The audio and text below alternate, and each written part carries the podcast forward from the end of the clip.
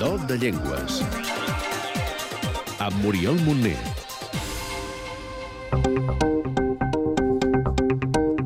Nom, Hebreu, àrea geogràfica, Israel i Palestina, nombre de parlants, 5.600.000. situació o estatus legal, Oficial a Israel, sense reconeixement a Palestina. família o origen, Afroasiàtica, branca, semítica, sistema d'escriptura, alfabet hebreu, sentit de l'escriptura, de dreta a esquerra, antiguitat, uns 4.000 anys. La tumultuosa història del poble jueu n'ha marcat molt la llengua. De fet, l'hebreu modern és un cas únic al món de llengua recuperada a partir de la llengua escrita després de prop de 2.000 anys d'usos bàsicament litúrgics. Des dels primers segles de l'era cristiana i fins al segle XIX va quedar reduïda a llengua escrita i de cultura. Fa uns 150 anys, amb l'inici del retorn dels jueus a Palestina, la llengua va reviscolar i Eliezer ben Yehuda la va normativitzar. La creació de l'estat d'Israel ja la va adoptar com a llengua oficial. Quin és el secret de la normativització de Ben Yehuda? Itai Ron és traductor d'hebreu. La treure tots els verbs i els eh, substantius de l'Antic Testament per, per poder eh, compondre un, eh, una nova llengua. La llengua és antiquíssima i ha variat poc respecte de la que parlaven Crist i els jueus de l'Antic Testament. Es pot dir que sí perquè com 85% de les paraules que apareixen a la Bíblia, al, a l'Antic Testament, s'entenen o es parlen avui a l'hebreu modern. L'hebreu no té dialectes, ni tampoc declinacions, però sí una característica semblant al cas genitiu. Vegem-ho. Bait és la casa i la meva casa, Beití, i la teva casa, Beitך, i tal. Tot i que l'hebreu ve de l'alfabet arameu, aquestes dues llengües no són intercomprensibles.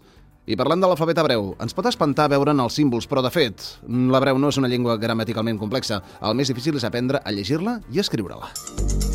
algunes curiositats. Dèiem que l'hebreu s'escriu de dreta a esquerra, com l'àrab, que també és una llengua semítica, però segons Itairon, en origen, la intenció de l'escriptura en hebreu no era ben bé la de transmetre coneixements. Les llengües semítiques o les llengües més antigues eh, del món eh, van ser eh, evolucionat com un còdic. Vull dir que la raó era perquè la gent no entengui.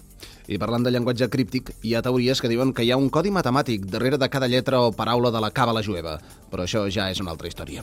En l'alfabet hebreu, cada símbol és una consonant i no hi ha vocals. Cal saber llegir, doncs, més que mai entre línies, o entre lletres en aquest cas, per saber quina vocal correspon a les consonants de cada paraula. La vocalització es fa amb uns puntets i, i ràtias sota de les lletres.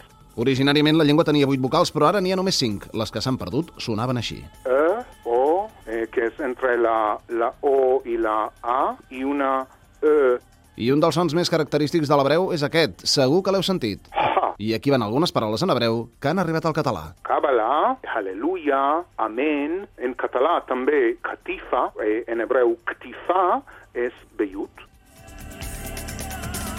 Quatre pinzellades de la llengua. Sentim una mica com sona la llengua? Per començar, el nom de l'hebreu en hebreu és aquest. Ivrit, Els jueus es diuen hola i adeu amb la mateixa paraula. Segur que la sabeu. Shalom, I com es desitgen bon dia?